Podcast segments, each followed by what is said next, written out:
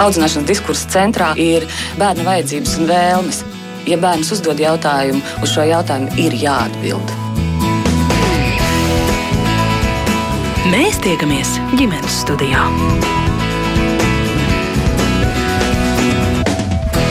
Labdien, klausītāji! Sabiedrībā plašas diskusijas radījusi ziņa, ka turpmāk valsts gimnāzijām vairs nebūtu jāorganizē atsevišķi iestāju pārbaudījumi topošajiem skolēniem. Cik tas ir pamatoti un vai realizējot šo ideju, vēl vairāk nesamazināsies to skolēnu skaits, kuriem ir izcila sasnieguma mācībās. Jautājums uzdiet, uzdod ģimenes studijas producents Armīta Kolāta un es mērķis notiņa centīšos rast atbildes sarunā ar studijas viesiem. Un pie mums ir Rīgas valsts pirmās ģimnāzijas direktora vietnieks izglītības jomā Jānis Zeimanis. Labdien! Labdien arī Rīgas valsts vācu ģimnāzijas direktorei Gundegai Muceniecei. Labdien! Valsts izglītības satura centra vadītājai Lienei Voroņenko. Labdien! Un pa tālruni grib pārliecināties tātad uzņēmējs Andris Bērziņš. Dzird ģimenes studiju? Jā, dzird. Jā, lieliski. Labdien. labdien jums! Un pēc brītiņa mūsu sarunai pievienosies arī draudzīga aicinājuma Cēsu valsts ģimnāzijas direktors Oskars Kaulēns. Es jau esmu labrīt. Ah, Labdien. lieliski! Labdien! Tātad visi varam sākt šo sarunu, bet vispirms vēršos pie valsts izglītības satura centra vadītājas. Tātad atgādiniet vēlreiz klausītājiem, kāpēc tieši šobrīd aktualizējies šis jautājums. Jāsaka, ka šis mācību gads noteikti iezīmē tādu diezgan nozīmīgu pārejas posmu kopumā izglītības sistēmā. Mēs beidzam to trīs gadu pilnveidotā satura ieviešanas procesu, kas tika uzsākts iepriekšējos gados, un noslēdzam, protams, ar jaunu valsts pārbaudas darbu piedāvājumu kopumā gan 9. klasē, gan arī vidējā izglītības posmā. Tātad pirmo reizi 9. klasnieki rakstīs centralizētu eksāmenu. Līdz šim tā nav bijis. Pirmo reizi viņi rakstīs eksāmenu, kas ir veidots atbilstoši pilnveidotiem saturam. Tas ir tā, ir tā būtiskā atšķirība. Eksāmens ir savādāk strukturēts. Eksāmens noteikti ir atšķirīgs no iepriekšējiem eksāmena satura veidiem, bet uh, Tas, ka tas notiks centralizēti, tas droši vien ir vairāk formas jautājums, nevis uh, satura jautājums. Tā pirmā svarīgā ziņa ir, ka saturiski šis eksāmens ir savādāks visos mācību priekšmetos. Un līdzīgi arī vidusskolā 12. klasēs skolēni kārtos padziļinātā kursa apguves eksāmenus, kas uh, saucās augstākā līmeņa eksāmeni, un tie arī ir pavisam savādāki. Nu, saturs ir citādāks, jūs sakāt, cita arī forma. Kas tieši ir cits? Um, tā forma atšķirīgā, protams, ir tāda, ka 9 klases eksāmenis pirmo reizi labos centralizēti. Tas nozīmē, ka viņus labos standart, standartizēti un faktiski novērtēs pēc anonimitātes principiem, respektīvi neviens nezinās, kurš ir autors šim darbam, un tādējādi mēs plānojam iegūt visnotaļ plašus datus par to, gan kā ir veicies ar satura apguvi, gan arī kāds ir tad, uh, vidējais sniegums un arī precīzais katra skolēna sniegums šajos trīs mācību priekšmetos, konkrēti 9. klasē. Nu, visvairāk acīm redzot, vismaz šī jautājuma kontekstā, par ko runājam, interesē matemātikas eksāmens. Šobrīd jau ir apmēram izstrādāta tā schēma, skelets ir gatavs, kāds visiem, būs šīs eksāmens. Jā, visiem valsts pārbaudas darbiem paraugi tika nopublicēti pagājušā gada augustā. Un paraugi noteikti ir tas, materiāls, uz kā bāzējās gan skolotāji, gan arī, protams, skolēni. Bet jāsaka, ka paraugs noteikti neparāda precīzo eksāmena saturu šajā gadā, jo eksāmena programma ir tā, kas pasaka gan tās izmaiņas, kas attieksies uz saturu. Mēs esam ņēmuši vērā arī potenciālos Covid ietekmes aspektus šī gada eksāmenos visos vecuma posmos. Un, protams, ka precizē arī atšķirīgs norises specifikas, kas skar šajā gadījumā vairāk vidējās izglītības posmu. Bet paraugs ir tas, kas vienīgais mums šobrīd ir zināms. Un, protams, ka visi gaida nozarē, kāds tad būs šis eksāmena saturs. Bet jūs piekrītat, ir izskanējis jau doma, ka šis eksāmens vai vispār centralizēti eksāmeni tiek būvēti, nu tā teikt, lai, ar, lai vidējais skolēns vai arī tas skolēns, kuram tik labi neveicas mācībās, spētu nokārtot šo eksāmenu nu, uz tiem nepieciešamajiem, cik šobrīd būs desmit punkti. Jā? Eksāmenis tiek būvēts, lai pārbaudītu pamatskolas standarta apguves tātad, pakāpi. Tas nozīmē, ka tas atspoguļo tās prasmes un zināšanas, kuras skolēnam ir jāapgūst saskaņā ar standartu. Tas, ka mēs esam izvirzījuši šogad minimālo latiņu 10%, liecina mūsu stratēģiju tādā ilgtermiņa vīzijā, ka vismaz 20% apgūves līmenis apliecinās, ka tu vari droši beigt 9. klasi un tavas prasmes ir pietiekamas, lai turpinātu mācīšanos vidējā izglītības posmā vai profesionālās izglītības iestādē. Un tomēr valsts gimnāzijas jau skaļi ir pauduši viedokli, vismaz Rīgas valsts gimnāzijas, kurās eh, tiešām ir liels skolēnu pieplūdums. Ne tikai rīdzinieki grib tajās mācīties, arī uh, visi Latvijas skolēni. Tātad jūs sakāt, mums tas neder un mēs mēs gribam, mēs gribam arī turpināt rīkot iestāju eksāmenu. Kāpēc? Vispirms skatos uz Rīgas valsts pirmo gimnāziju, tiešām laikam uh, iestāties jūsu skolā ar iestāju eksāmenu var nu, jau vairāk nekā 20 gadus, iespējams, vēl, vēl vairāk, vēl senākā pagātnē jāskatās. Kāpēc? Iestāju eksāmenam ir gara vēsture, tas taisnība. Um, mazliet viņa cipariski parunāsim, ja jau pirmā gimnāzija ir. Jā, lūdzu, lūdzu. Um, Panelizējot datus, es mēģināšu tādas divas lietas, mazliet par skolēnu skaitu un mazliet par eksāmenu struktūru. Panelizējot datus, pagājušā gada eksāmenis varētu būt nav atbilstošs tādai analizēji Šī gada eksāmenam, ņemot vērā, ka eksāmena struktūra mazliet mainījusies, un varbūt arī um, saturs, kā mēs dzirdējām, ja no Varaņēko kundzes arī ir mainījies. Bet pagājušā gadā ar maksimālo punktu skaitu, tātad maksimālo procentu skaitu, eksāmenu nokārtoja 175 skolēnu. Um, zaudējot vienu punktu, vēl 200 skolēnu. Skola spēja uzņemt um, mūsu gadījumā 200-220 skolēnus. Tīri teorētiski, vienkārši tā padomājot, um, um, tā tad ja šie potenciāli tikai ar vienu punktu zaudējušie skolēni mēģinātu iestātos pie mums, um, mums ir jādomā par visādiem papildus atlases kritērijiem. Ko, ko mēs gribam, kāpēc mēs gribētu, lai tomēr paliek šis iestāja eksāmens un ko mums tas palīdz mazliet, ir, ka ir izskanējis šobrīd arī sabiedrībā viedoklis, vai, vai uh, vismaz esam dzirdējuši masu mēdījos, ka varētu um, valsts gimnāzijas izvēlēties tikai bāzējoties no otrās daļas, jā, eksāmenu um, otrās daļas, kas būtu komplekss problēmu risināšanas uzdevumi. Bet um, šai eksāmena daļai dotajā brīdī ir doti 25%, precīzi 20 punkti. Ir ļoti, ļoti bail, ka no šiem 20 punktiem mēs atkal nekādu statistiskos datus, lai cik mēs tur kometus, aiz ciparus aiz kometu izvēlētos, mēs atkal nonāksim pie tās pašas situācijas, ka mums uz vienu vai divām vietām būs vismaz 40 pieteikumi. Tā tad atkal jautājums, ko darīt šajā situācijā. Iestāja eksāmenam ir mazliet cita struktūra. Iestāja eksāmenā kompleksu uzdevumu risināšana radošie uzdevumi veido aptuveni 70%. Tātad tā ir tā lieta, kas palīdz šiem motivētajiem un mērķiecīgajiem bērniem mazliet tā kā parādīt tās savas zināšanas, un mūsu gadījumā drusku, drusku tomēr pašķirot, tiešām, kas tad ir tie spējīgie un tie ļoti, ļoti talantīgie kas varētu mācīties vienopus. Nu, varētu jau teikt, jūsu skola nav vienīgā. Jūs te saucāt Protams. skaitļus, uh, ir jau vēl uh, tās skolas, kuras patiešām ir ļoti pieprasītas Rīgas, ne tikai Rīgas valsts pirmā ģimnāzija, arī otrā, trešā Rīgas valsts vācu ģimnāzija, Agenskalna valsts ģimnāzijas, Rīgas valsts klasiskā ģimnāzija un Rīgas franču licejs. Vācu ģimnāzija piekrītat, ka tomēr ir vajadzīgs šis e, valsts, nu, šis jūsu iestāja eksāmens ir jāsaglabā? Mēs noteikti piekrītam un esam pauduši to dažādās auditorijās, bet e, jau no klātesošajiem izskanēja e, ļoti labs pamatojums tam, kāpēc tad būtu būtiski saglabāt divus dažādus pārbaudījumus, jo valsts izglītības satura centra vadītāji diezgan skaidri jau nodefinēja to, kāpēc tiek organizēti centralizēti eksāmeni priekšmetos, proti, lai pārbaudītu to, kā ir apgūts saturs pamat izglītības saturs, un arī izmērītu nu, vidējo, ja tā var teikt, eh, eh, mērījumu satura apguvēju arī individuālā līmenī. Un, uh, kolēģis ieskicēja to, ka nu, vidēja, šīs vidējās spējas, tomēr uh, augstas spējas parāda pietiekoši liels skolēnu skaits.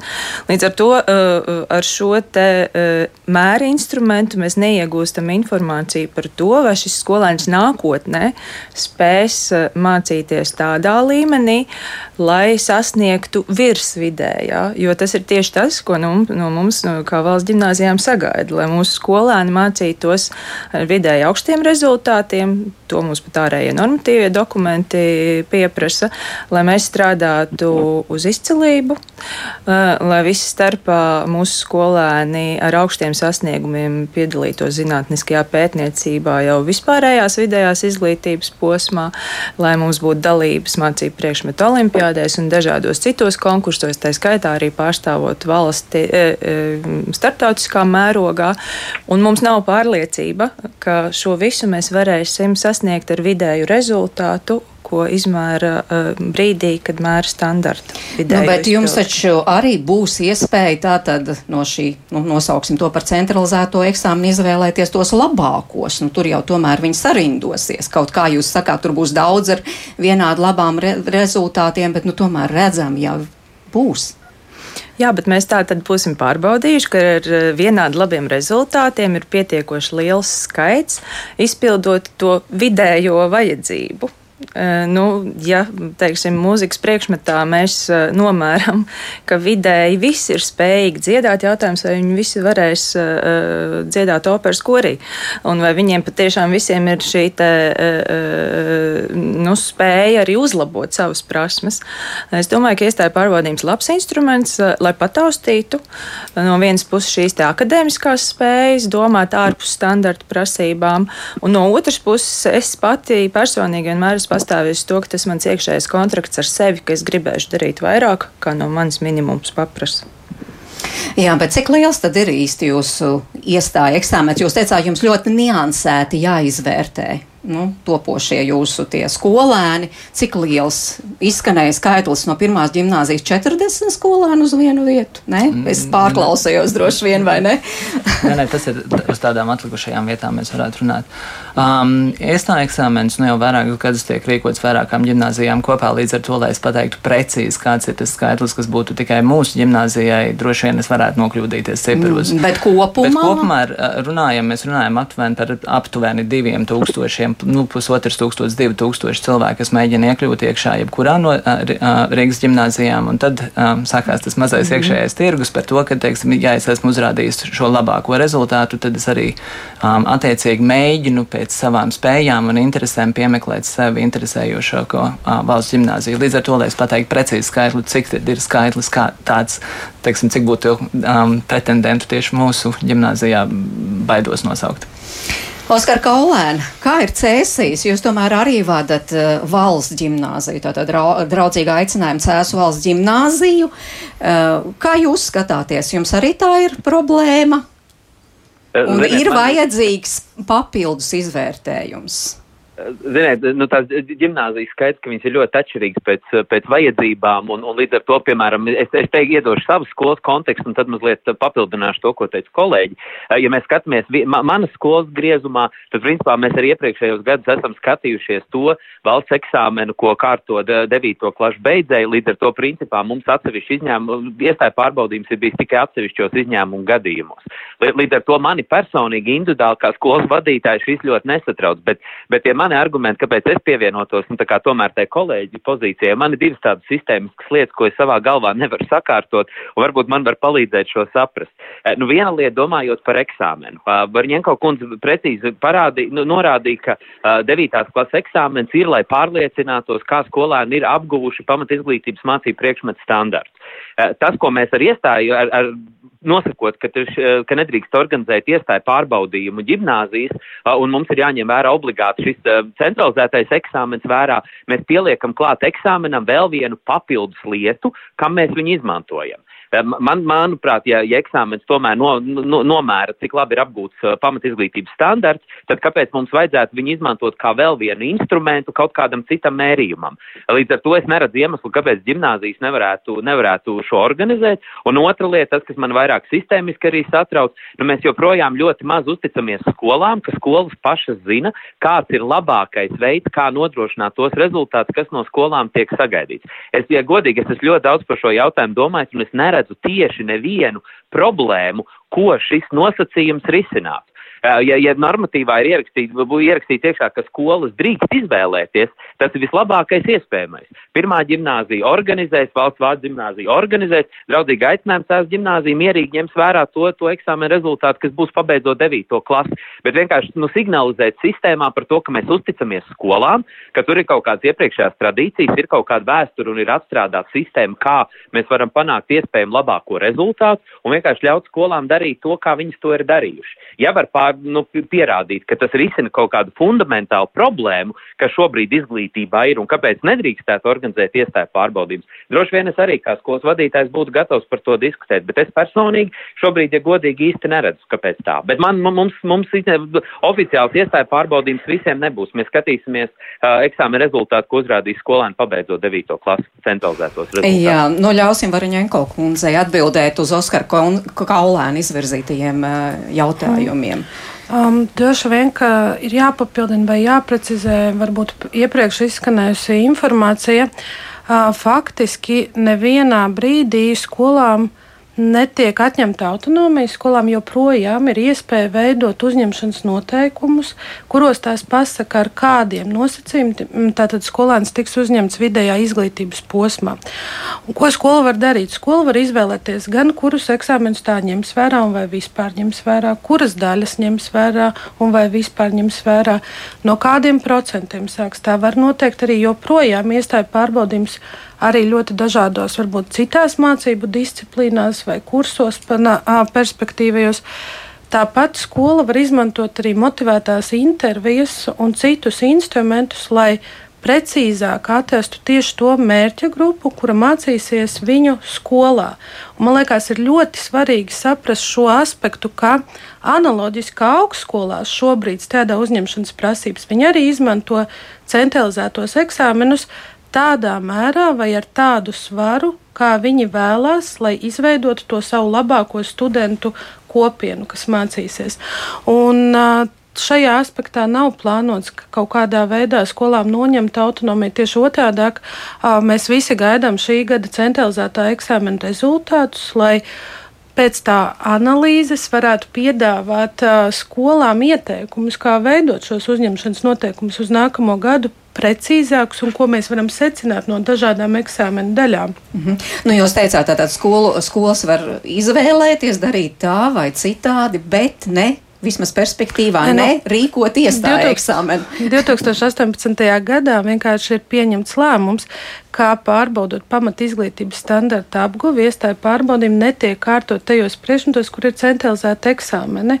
Un, manuprāt, tā nav jauna norma, kas nozarē ir notikusi. Tas, kas tiešām ir noticis, ka mēs uzsākam vērtēt eksāmenus centralizēti. Lūk, par šo aspektu mēs esam droši vien nonākuši tajā punktā, kad mums visā valstī ir vajadzīgi objektīvi dati.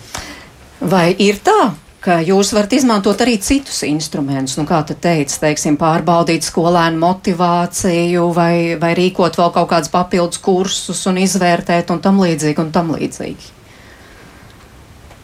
Es domāju, ka uh, neapšaubām visiem ir skaidrs, ka mēs varam izmantot uh, citus instrumentus, uh, tikai droši vien būtu jāskatās arī konteksts, izpildāmības konteksts, jo kolēģis pieminēja, ka uz Rīgas valsts, Rīgas valsts ģimnāzijām startēja aptuveni 2000 skolēnu.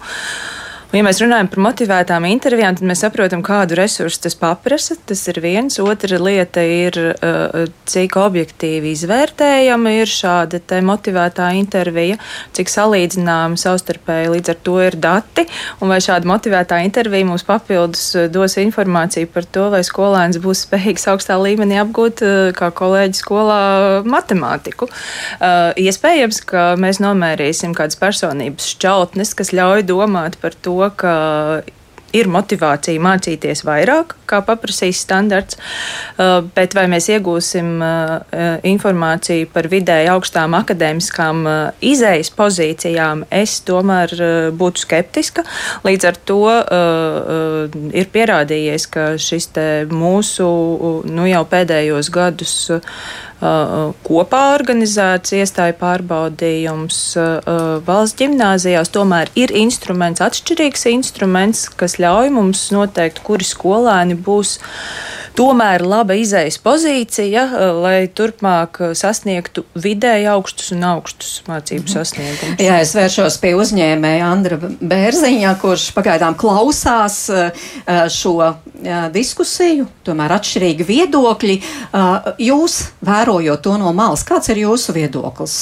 Gan kā uzņēmējam, kurš tieši jauno tehnoloģiju jomā darbojas, gan arī kā četru bērnu tēvam.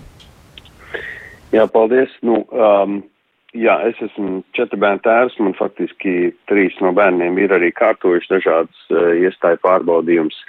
Un, uh, un es kā tehnoloģiju uzņēmējs uzskatu, ka ir ļoti svarīgi cīnīties par matemātikas zināšanām un it īpaši par izcilību. Un mani vienkārši ir neizpratne, kā var būt uh, te uh, sarunā es dzirdu virknē gimnāzijām, kuras loģiski skaidro, kāpēc šis eksāmens ir uh, rīks, kas ļauj viņām atšķirt, kuri bērni ir uh, iespējams tajā izcilā kategorijā, kuras viņi vēlētos uh, uzņemt savās uh, gimnāzijās, uh, un tas ir, teiksim, analogs ir, ka uh, šīs gimnāzijas vēr, vēlās mērīt, teiksim, milimetros, nevis uh, centimetros, kā, cent, centrālais, uh, kā, kā centralizētais eksāmens uh, spēja mērīt. Un, un no Varņēnko kundzes dzirdu, ka nekas nav aizliegts, bet grib aizliegt uh, rīkot iestāju pārbaudījumu, ko tieši gimnāzijas grib izmantot. Un es šo valsts, uh, teiksim, nostāju, kāpēc aizliegt, es vienkārši nevaru saprast. Šis ir loģisks rīks, lai varētu atšķirt tieši augšējo, augšējo galu teiksim, skolēnu zināšanām. Un kāpēc to ir vajadzīgs aizliegt? Vienīgais, ko es dzirdēju tagad tikko bija, ka it kā 18. gadā ir likumā kaut kas noteikts. Es arī izlasīju visu likumu anotācijas, atzīšos, ka ir ļoti grūti saprast, kāpēc tas ir rakstīts un kā tam vajadzētu attiekties, bet ja šobrīd grozam likumu, tad uh, grozam loģiski nevis uz to, ka uh, iespējams pirms kādiem gadiem kāds kaut ko bija domājis, bet kas ir tagad pareizā rīcība un loģiski, ka pareizā rīcība tagad ir dot gimnāzijām brīvību izvēlēties tos rīks, kāda viņiem ir piemērotāk, un es dzirdu lielu vienprātību starp gimnāzijām, ka šis ir vajadzīgs.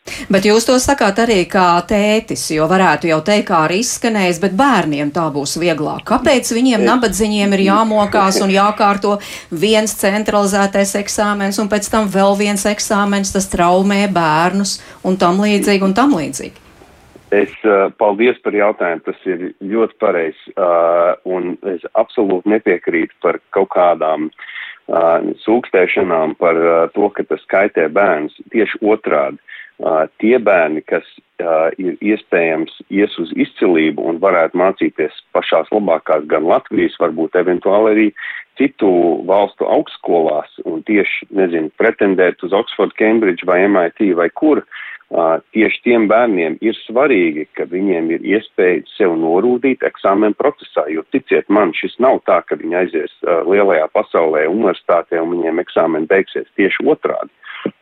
Tā kā es uzskatu, ka šis process maniem bērniem nekādā veidā nav nācis pa sliktu, tas ir viņus norūdījis, tas ir viņus trenējis uz to, ka viņi spēj nokoncentrēties eksāmenu laikā, sagatavoties, apgūt vielu, nokoncentrēties un, un, un izdarīt to savu labāko.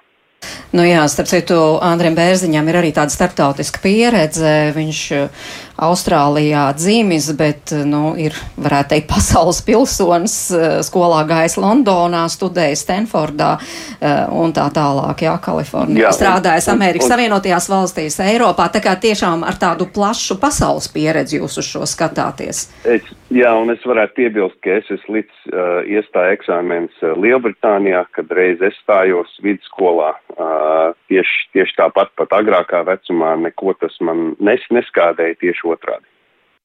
Jā, Lienu Varuņenko, gribat ko atbildēt tētim? Nē, jebkurā gadījumā skaidrs, ka šī diskusija visticamākais nonāks politiķu redzes lokā šobrīd, jo, protams, ka iepriekšējie lēmumi, iepriekšējais lēmums ir iespējams pārskatīt, un es domāju, ka šī diskusija noteikti saimnes komisijā būs daudz plašākā, nu, izglītības iestāžu pārstāvniecībā, arī tā skaitā par tiem mērķiem. Es vienīgais, ko varu atgādināt, ka noteikti, ka šī saruna par šiem iestāju eksāmeniem vēl produktīvāka būs tajā brīdī, tajā, kad mēs redzēsim eksāmenu saturu. Un kad mēs spēsim izanalizēt, jo tas ir viens no tādiem būtiskiem aspektiem, par ko arī valsts izglītības satura centrs ir diskutējis ar pašvaldībām, ka šobrīd, mainot kādu regulējumu, mēs neesam līdz galam pārliecināti par to, kāds būs bērnu sniegums šogad. Uh, vai mēs precīzi un ko mēs precīzi iegūsim no šiem eksāmeniem. Mums visiem pēc eksāmena noteikti būs ļoti vērtīgas sarunas par to, kā šo instrumentu efektīvi izmantot. Mm -hmm. Bet um, tas jebkurā gadījumā ir saimnes darba kārtībā šobrīd? Paredzēt? Jā, es tiešām atgādinu klausītājiem, ka tas ir jautājums, kas joprojām ir darba kārtībā, jo te izskanēja informācija, nu nē, es saimnu tur kaut ko anulējusi vai ko, bet izrādās izdarījusi tieši otrādi, ka faktiski izdarījusi tā, ka šo eksāmenu nevar rīkot jau šogad, lai gan bija paredzēts, ka varbūt nākamgad nevarēs eh, rīkot, bet, nu jā, arī šonedēļ uh, saimā diskusijas turpināsies, un es atgādinu, ka šeit pie mums ģimenes studijā mēs runājamies ar Rīgas valsts pirmā pirmās gimnāzijas direktora vietnieku izglītības jomā Jāni Zeimani, Rīgas valsts vācu gimnāzijas direktori Gundegu Mucenieci, arī valsts izglītības satura centra vadītāju Lieni Voroņenko, draudzīgi aicinājumu Cēsuvalsts gimnāzijas direktoru Oskaru Kaulēnu un arī uzņēmēju Andri Bērziņu. Un es mazliet ieskatos, paldies tiešām, ka iesaistāties arī mūsu sarunā. Paldies klausītājiem. Piemēram, Anija jautā, gribētu zināt, kā interesēs, tad tajā 18. gadā tika pieņemti šādi neīpaši gudri grozījumi. E, tad te ir, jā. Dieva dēļ, kas tur no saprotams, zēne uzskata, no labākajiem ir jāatlasa labākie, un to var izdarīt tikai iestāja eksāmenos, kuros pārbauda specifiskas lietas, kuras uh, nobeiguma eksāmenos nepārbauda. Uh, tad, piemēram, Roberts raksta, ja skolnieks beidz skolu ar video atzīmi septiņi, tad viņam pirmā gimnāzija ir slēgta uz visiem laikiem, bet, ja ir iestāja eksāmeni, tad viņam ir iespēja tajā iestāties. Tāpēc domāju, ka iestāja eksāmena nēsamība jebkurā skolā nav skolēnu interesēs. Jā, tiešām rakstiet arī savus komentārus, bet uh, gribu arī jautāt valsts gimnāziju pārstāvjiem, ko te jūs piedāvājat pretīm? Nu, tātad ļoti liela interese ir par jūsu skolām, ko jūs piedāvājat vairāk nekā, piemēram, vidusskolas. Tas nozīmē, ka tiešām tur ir labākie pedagogi, ka tiešām mācību process tiek organizēts uh, nu, citā līmenī. Kas ir tas atšķirīgais? Atgādiniet klausītājiem. Man laikam nāksies patiešām atgādināt jau to, ko pirms mirkļa es minēju. Tātad gan, gan no ārējo dokumentu viedokļa, gan arī no iekšējā saturiskā un organizatoriskā principu puses mēs Mēs piedāvājam skolēniem darīt vairāk, kā to paprasīs arī vispārējā izglītībā mācību priekšmetu standarts, jo jau manis pieminētā zinātniskā pētniecība ir rosinājums to veikt vidējās izglītības pakāpē, bet ne obligāta prasība. Rīgas valsts vācu ģimnāzijā šādu pētniecības darbu izstrādā simtprocentīgi visi skolēni. Tādējādi arī iegūstot tādas prasmes, kas uh, noderēs uh, ārpus uh, jau vidusskolas posma, augstākajā izglītībā, un mēs iegūstam arī no absolventiem ļoti atzinīgu vērtējumu par šīm pamatprasmēm, kas ir iegūtas vēl 10. un 11. klasē mācoties. Mēs rosinām savus skolēnus, jo tas ir, kā jau es pirms tam teicu, tas ir tāds iekšējs līgums pašam ar sevi, ka ja jau es mācīšos valsts gimnāzijā, gimnāzijā, tad es iesaistīšos eh, arī ārpus nu, tiešā, tiešā stundu darba, savu sniegumu parādīšanā augstākā līmenī. Tātad mans mērķis būs piedalīties dažādās mācību priekšmetu olimpiādēs. Mans mērķis būs pārstāvēt ne tikai pašam sevi, bet arī savu skolu ar, ar mērķi pārstāvēt arī valsti. Un es domāju, ka tur kolēģi īpaši mm -hmm. pirmajā gimnāzijā ir vēl vairāk eh, par šo, šo te teikt. Katrā ziņā eh, es ar to nenoliedzu nekādā mērā, ka arī citām vidusskolām nevar būt mērķis uh, rosināt skolēnus piedalīties. Bet skaidrs ir, ka ja mēs atlasām uh, spējīgos no spējīgajiem, tad tas potenciāls būs krietni vien augstāks.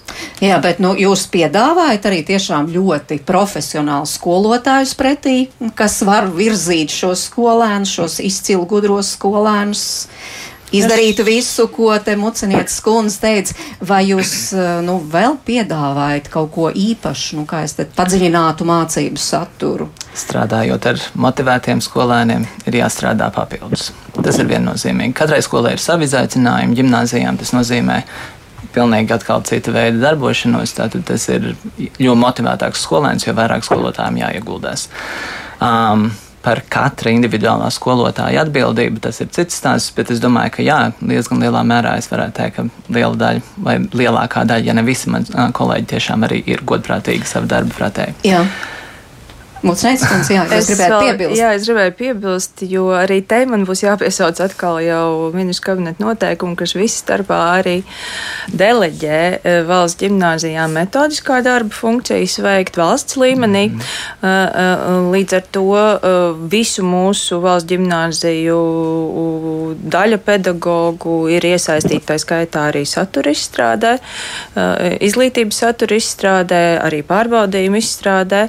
Um, mēs esam tie, kuriem ir deleģējums uh, caur izglītības un zinātnes ministriju palīdzēt uh, profesionāli pilnveidot visus valsts pedagogus, un šī funkcija patiešām ir tā skaitā iedot arī valsts gimnāzijām, ne tikai dažādiem metodiskajiem centriem. Līdz ar to saprotot, ka mēs mācām citus, mūsu pedagogi māca citus pedagogus, mēs atbildam uz jūsu jautājumu, ka vidēji mēs tomēr strādājam arī ne tikai strādāt gribošu, bet arī uh, spēcīgu profesionāli. Klausītājs Gustavs mums raksta, viss jau labi izklausās, gimnāzijas grib gudrus bērnus, bet kad gimnāzijas nodrošinās tikpat labu izglītību, piemēram, Liepājas valsts gimnāzijā matemātika māca citas sfēras pedagogs. Ļoti daudz skolnieku maksā privātu skolotājiem, lai kaut ko iemācītos. Nemaz nerunāsim par pusdienu organizēšanu. Oskar Kaulēnu. Kā ir cēsīs? Es tiešām es neesmu pārbaudījis šo Gustava iebildumu, bet nu, tā, tāda mums ir vēstule. Uh, varbūt tiešām tā ir tikai šo Rīgas skolu, valsts gimnāziju privilēģiju visu to nodrošināt? Vai to var nodrošināt arī cēsīs, piemēram? Ziniet, kolēģi, nu, es domāju, ka man valsts gimnāzija pārstāvji arī pievienosies. Nu, ja es teikšu, ka, ka mums ir absolūti izcilākie skolotāji, kur vislabāk un, un varbūt pat kvalitatīvāk nekā eh, citu vidusskolu pedagogu var, var palīdzēt skolēniem mācīties un sasniegt brīnišķīgus rezultātus, droši vien, ka es izliktos un melotu.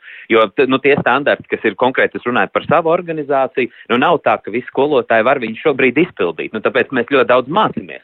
Bet, bet tas, ko gan, piemēram, ja jautā par kaut kādām īpašām lietām, nu, darbs ar talantīgiem skolēniem no, no malas izklausās ārkārtīgi vienkārši. Ja kolēģis no valsts pirmās gimnāzijas jau ļoti skaidri pateica par to, ka īstenībā viņi ir daudz prasīgāki un tev ir jābūt daudz augstāka kalibra profesionālim, lai tu varētu visu laiku viņu produktīvi nodarbināt un dot tādus izaicinājumus, kas ir nepieciešami viņu spēju līmenim. Otra lieta, kas ir ļoti būtiska un kāpēc, kāpēc nosīt atgriežoties arī kontekstā ar to iestāju pārbaudījumu, skolēni, kuri telpā atrodas nosacīti ar, ar līdzvērtīgu uh, motivāciju un, un iepriekšējām zināšanām, viņiem ir daudz lielāka motivācija un daudz vieglāk viņi ir iet uz, iet uz priekšu tajā mācību saturā. Jo tajā brīdī, kad ir ļoti milzīga diferenciācija jā, jāveido klasē, kur ir, ir varbūt daži talantīgi skolēni ar, ar ļoti augstām mācīšanās prasmēm un, un citiem iet ļoti, ļoti grūti, vienkārši mēs novēl, mēs izveidojam tādu vidēju aritmētisko, bet mēs nenodrošinam katram skolēnam atbilstoši viņu spējām un prasmēm vislabāko palīdzību. Un tas, ka, ja, piemēram, prasa par, ma, nu, par manu organizāciju konkrēti, ko es varu pateikt, nu,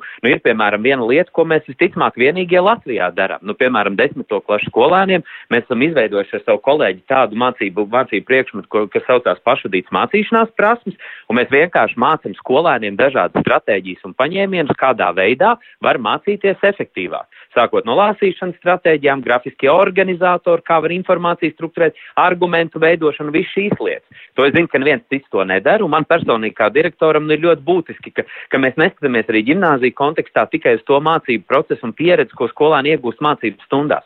Tā ir viena no, nu tā ir būtiska, bet tā ir viena maza daļa no tās pieredzes, ka skolēnam skolā ir jāiegūst. Jā. Līdz ar to es domāju, nu, ka gimnāzijas arī paši nu, neliek fokus tikai uz, es nezinu, olimpiāžu rezultātiem un eksāmeniem, bet paralēli arī domā par to, kas tad ir vēl tā pieredze. Nu, katrā ziņā mēs šeit cēsīs domājam, jo, ja es zinu, ka man nav visos priekšmetos akurāt nav, varbūt tās paši spicākie labākie skolotāji, tad es zinu, kādā veidā mēs skolēniem varam kompensēt un iedot rīkus, lai viņi paši varētu iet ātrāk uz priekšu un, un, un, un paši varētu daudz vairāk arī iemācīties. Pat tad, ja gadās tā, ka varbūt nav pats pats izcilākais skolotājs uh, priekšā. Bet mm -hmm. es mhm. piekrītu tam, ko Vācu valsts gimnāzijas direktors teica par to, ka tie ir nu, tie cilvēki, kas godprātīgi dara, ja nu labāko atbilstoši savai pieredzei un izpratnē par to, kā notiek mācīšanās, viņi dara labāko iespējamo šobrīd. Ja? Droši vien kā tāpatās kā arī citās skolās, bet ar talantiem gan tur ir atra, atrast funkcijas, kā to, kā to var darīt daudz mētiecīgāk, un tā tādā ziņā ir gimnāzijas stiprā puse. Jā, nu mēs esam nonākuši pie ļoti būtiski jautājumi par šiem talantīgajiem bērniem. Un, protams, ka tādi ir. Ja ir, ir kaut kādi, nu, nezinu, 5% vai, vai, vai varbūt vairāk, varbūt es kļūdos, bet katrā ziņā ir tie uh, talantīgie bērni, kuri, kuriem tiešām ir tas intelektuālais koeficients un viss cits lietas. Nu, viņi katrā ziņā ir spējīgi labāk mācīties, un ir, protams, tie bērni, kuri nav spējīgi. Un tā nu ir sanācis, ka arī kaut vai mēs ģimenes studijā mēs ļoti bieži runājam par to, nu, kā tos nu, tos pievilkt līdz tiem vidējiem, kā viņiem palīdzēt, lai viņi pabeigtu vidusskolu. Bet ļoti reti mēs runājam par to, kā tiem talantīgajiem tiešām uh, palīdzēt nepazaudēt talantu skolas laikā. Un, uh, tad, kad pieteicām šo raidījumu, tad arī skanēja izglītības eksperts Mārīts Sēls. Uh, tāds uh, teikums viņa mums teica tā, ka šiem talantīgajiem bērniem ir jāveido, un, kā viņi teica, tādu īpašu salu, nu, piemēram, valsts pirmo ģimnāziju vai jebkuru citu ģimnāziju, kuri viņi tiešām var attīstīt savu talantu. Es gribu jautāt Andrim Bērziņam, kā jūs uzskatāt, nu, tā skatoties no malas, ir jāpulcē šos bērnus vienā skolā, vai nu ir tā jāizmētā, lai katrā vidusskolā būtu tie pieci talantīgie katrā klasē, vai, vai lai viņi mācītos vienkopus? Es domāju, ir ļoti būtiski, ka uh, izcilos uh, skolēnus, kas tiešām ir uh, starp tiem ļoti retajiem ar, ar izciliem rezultātiem, ir ļoti svarīgi, ka viņiem ir vide, kur viņi ir ar, ar līdzgaitniekiem, ar tiem, kas uh, spēj viņu līmenī domāt, strādāt, un uh, viņiem te būs uh, daudz labāki rezultāti jo kā nekā uh, skolas darbi ar vienu vairāk, uh, to mēs redzam arī ar skolu 2030 programmu, visām jaunām programmām ar vienu vairāk ir grupas darbi, uh, vērsti uz sadarbību, uz, uz kopstrādi, un tā kā šīs te grupas, kur vai skolas, gimnāzijas, kur šie izcilie skolēni var mācīt kopā, tas ir ļoti svarīgi viņu pašu sekmi attīstībai, un mums ir svarīgi, ka, ka šie uh, skolēni var sasniegt savu potenciālu. Uh, tas nenozīmē, ka mēs uh, kaut kādā veidā uh, tos, kas ir mazāk spējīgi, um, nospiežam. Tas tikai nozīmē, ka mēs ļaujam tiem, kam ir izcili talanti, tos uh, talantus attīstīt. Un es domāju, ka šis ir ļoti svarīgi. Un ja, ja, ja kādam liekas, ka atņemt iestāju uh, pārbaudījumu uh, un tādējādi ģimnāzijas mēģināt pavilkt uz leju, ir kaut kāda loģiska taktika, kā apkarot nevienlīdzību, teiksim, skolās, tad tas ir, nu, galīgi atžgāns un aplēks veids, kā mēģināt virzīt kaut kādu politisku jautājumu. Tā kā es domāju, šis nebūtu dienas kārtībā. Jā, es jautāšu arī tūlīt valsts gimnāziju pārstāvjiem, jo nu, tā ir. Es skatos 2018. gads Latvijas izglītības, un es tagad citēju šo OECD pētījumu, kur pēta skolu sasniegums, un tur ir tā. Latvijas izglītības sistēma labāk nekā vidēji OECD valstīs nodrošina sekmīgus mācību rezultātus skolēniem ar zemu ģimenes sociālo-ekonomisko statusu augsto sasniegumu jomā mēs esam zem OECD valstu vidējā līmeņa. Kā jums šķiet, kāpēc? Nu, kāpēc mums tomēr salīdzinot ar citām Eiropas valstīm vai vispār ar citām valstīm kaut kā maz to izcilnieku? Klausoties jūsu nu, pat uh, citāto un uh, iepriekšējo runātāju, man divas tādas pārdomas. Tā pirmā, uh, talants un izcilība nav liekams ar vienādības zīmi, jo ar talantu mēs varam piedzimt, eh, izcilību mēs veidojam. Un mēs eh, varam arī mm, būt situācijā, kad ir lieliski talantīgi bērni, kuri nemaz nav vērsti uz šo izcilību, un līdz ar to ar to talantu vien visticamāk augsti rezultāti nebūs sasniedzami. Eh, savukārt jūsu citātais faktiski manā skatījumā norāda uz to, ka mēs par maz strādājam nestrādājam joprojām ar šīm kā reiz, kā reiz talantiem, kurus varētu virzīt uz izcilību.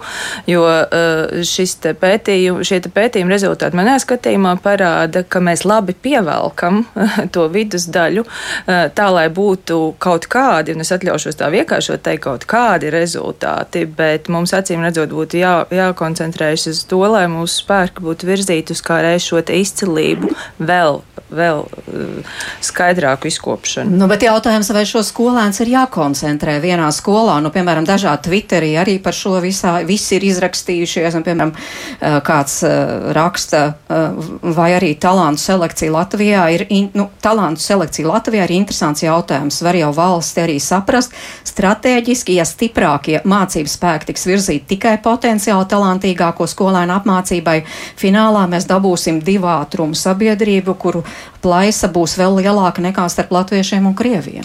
Jā, bet pasaulē ir um, daudz kur pierādījies tas, ka ir šīs te. Um, talantu kalvis vai, vai nezinu, motivēto um, bērnu koncentrēšanās vietas, ja tas nav nekas jauns. Un līdz ar to vienkārši mans personīgais redzējums, um, izējot vairākas um, izglītības posmus un vairākās skolās, pastrādājot un nonākot līdz pirmajai gimnājai, uh, tas, ko es reāli ļoti, ļoti praktiski redzu arī uz vietas, ka ļoti smuki tas gals, kura, kur cilvēkam ir jāpiestrādā un tam līdzīgi, jo viņi visi ir bijuši savā skolās labākie. Nu, atzīsim, ja pirmā gimnājā ir tā, kas tomēr selekcionē, viņi visi ir bijuši labākie. Tātad, ja tu esi labākais tajā vidē, kurā tu esi, Es domāju, ka nevilšus arī man iespējams kā skolotājiem, jo tomēr nu, mēs. Nu, Senāk, kā Kalnēnkungs teica, uz tādu vidēju aritmētisku mēs tomēr strādājam tajā skolā. Es varbūt to labāko redzu kā labāko potenciāli, bet es viņu nevaru, piemēram, salīdzināt ar, ar, ar, ar citas skolas labāko. Un tad iespējams es neattīstu, kā, kā Mucinēs kundze teica, to talantu nevirzu uz izcilības virzienu. Tā ir tā lieta, kāpēc mums droši vien tie rādītāji ir tādi, kādi ir. Pirmā gimnāzija ir pierādījusi to, ka ir iespējams to um, um, gabaliņu, kuram vēl pietrūks. Ja, tu, ja visi šādi motivētie bērni, centīgie bērni, izcilie bērni, saucam, kā gribam, strādā vienu vietu, tad um, tas veicina lielāku attīstību. Un šī diferenciācija vienkārši sadalot veiksim, cilvēkus grupās, un vienkārši, kā jūs minējāt, pieci cilvēki parastā vidusskolas klasē. Um, varbūt viņi pazūd uz 30 bērnu fona un vai viņi tiešām spēja, ja viņi, ja viņi pa, savstarpēji nesadarbosies, tad, tad tāpatām notiks segregācija klases ietveros. Tas ir tas, ko es varētu redzēt, diemžēl, šajā mhm. jautājumā. Varaņēnko kundze, jums ir komentārs par es, šo vai redzējums? Es domāju, ka mēs visi gribētu dzīvot līdzīgi kā Somijā, kur vecāks saka, ka mana skola, labākā skola ir mana tuvākā skola. Bet uh, mēs nedrīkstam aizmirst vienu ļoti būtisku lietu, un tas ir visticamākais finansējums kopumā izglītības sistēmā. Vai jebkura skola šobrīd ir pietiekami labi finansēta, lai nodrošinātu uh, pirmās gimnāzijas cienīgu pedagoģu jebkurā Latvijas vietā? Nu, tā nav taisnība. Respektīvi, vispirms, ja mēs gribam katram jaunam, talantīgam skolēnam iespēju virzīties uz izcilību, tas, protams, ir finansēšanas jautājums. Otra lieta, kas, manuprāt, ir jāatcerās, ir Šie ir bērni, kuri jau agrīni ir mācījušies tādās skolās, nu, līdz 6. klasē, kurās skolotājs ir strādājis diferenciēti. Ar katru gadu, 7. un 9. klasē, šī diferenciācija aizņem aizvien vairāk resursu. Un, protams, ka tas uzstādījums skolā, kas ir varbūt novados, ir bijis līdz šim, ka mēs tomēr strādājam ar tiem, kuriem ir grūtāk. Mēs viņus vairāk pievelkam, to tiešām visi pētījumi arī parāda, un mēs aizmirstam par tiem talantīgiem. Ja jūs prasat, vai šodien Latvija ir spējīga nodrošināt pilnīgi ikvienam talantīgam bērnam, tātad pirmās gimnāzijas cienīgas iespējas jebkurā Latvijas vietā, tad es saku nē. Bet um, diskusija par to, uh, kurā virzienā mēs dodamies, tātad vai visas skolas spēj piedāvāt izcilības attīstību, vai arī mēs tomēr konsolidējam resursus un mēģinam mērķiecīgi veidot šīs talantu saliņas, kā jūs teicāt, tas ir jautājums, kurā piedalās droši vien daudz plašāks lokus nekā šeit mm -hmm. raidījumā. Nu, bet tomēr, nu, bet jūs redzat, vai, vai ministrija, izglītības un zinātnes ministrija jau ir ieskicējusi kaut kādu virzienu, tad kurā virzienā dodamies, tiešām skatoties nākotnē, tā kā visas skolas pavilkt, visas vidusskolas pavilkt uz augšu un veidot to modeli, ka jebkurš, kurš iet uz vidusskolu, tiešām iet motivēts, kurš grib mācīties un pēc tam startēt arī augstākajā izglītībā, vai ka tomēr ir tā kā šeit Latvijā Latvijā ir iedibinājušās tās saliņas, nu tad, tad tā arī jāturpina. Izglītības zinātnes ministrija, es varu komentēt ministrijas vārdā, ir ieskicējusi, ka izglītības kvalitāte ir jābūt vienmērīgai pilnīgi visās izglītības iestādēs. Respektīvi, beidzot vidusskolu ikvienā Latvijas vietā, tātad tā izglītībai, ko tu esi iegūsi, ir jābūt salīdzināmai un konkurētspējīgai. Tas, kas ir neatbildēts jautājums, ir, cik ilgs būs vajadzīgs laiks, lai mēs tiktu līdz šādam ideālam modelim. Un tas nav ne gada, ne divu gadu jautājums, jo mēs runājam par uh, trūkstošiem pedagoģu resursiem, mēs runājam par uh, skolēnu izvēlēm, mēs runājam par uh, iespēju izvēlēties dažādus satura piedāvājumus. Uh, ja šodien jāizdara izvēle, tad visticamākais gimnāzija ir atbilde, kā ļoti augsta snieguma un potenciāla bērns saņem šīs iespējas koncentrētā vietā. Oskar Kaulēn, kā jūs redzat to nākotni, kāds būtu tas pareizais ejamais ceļš Latvijā? Es, es, es absolūti pievienojos visiem tiem, kas saka, ka ik viens skolēns Latvijā ir pelnījis uh, kvalitatīvu izglītību, bet skaidrs, ka tās nu, šī brīža situācija, par ko liecina, nu, ka katram skolēnam tomēr ir atšķirīgas mācīšanās vajadzības, atšķirīgas mācīšanās prasmes, un īstenībā viņam būtu jānonāk, un sistēmai būtu jāpalīdz nonākt tajā vietā, kur viņš var saņemt savām vajadzībām vispiemērotāko pakalpojumu. Jo būt, būt klasē, nu, es vienkārši pa, pamodelēšu, nu, būt klasē, kurā tu esi nosacīts pēdējais, tikai tāpēc, ka tev ir mācīšanās grūtības, tas nemotivē tevi ilgtermiņā sasniegt labus rezultātus, jo tie gūst pārliecību par to, ka tu kaut kādas lietas nevari izpildīt. Tieši tas pats, kas notiek, un kāpēc jūs minējāt arī tos OECD datus. Tajā brīdī, ja es esmu viens vai divi, divi talantīgi skolēni klasē, bet es redzu, ka pārējie, pārējiem bērniem iet grūtāk un skolotāji labi labu gribot, lielāku uzmanību veltu tiem, kuriem iet grūtāk. Kāpēc, lai es uzstādītu sev pats kaut kādus augstākus mērķus, šis labākais turpatās.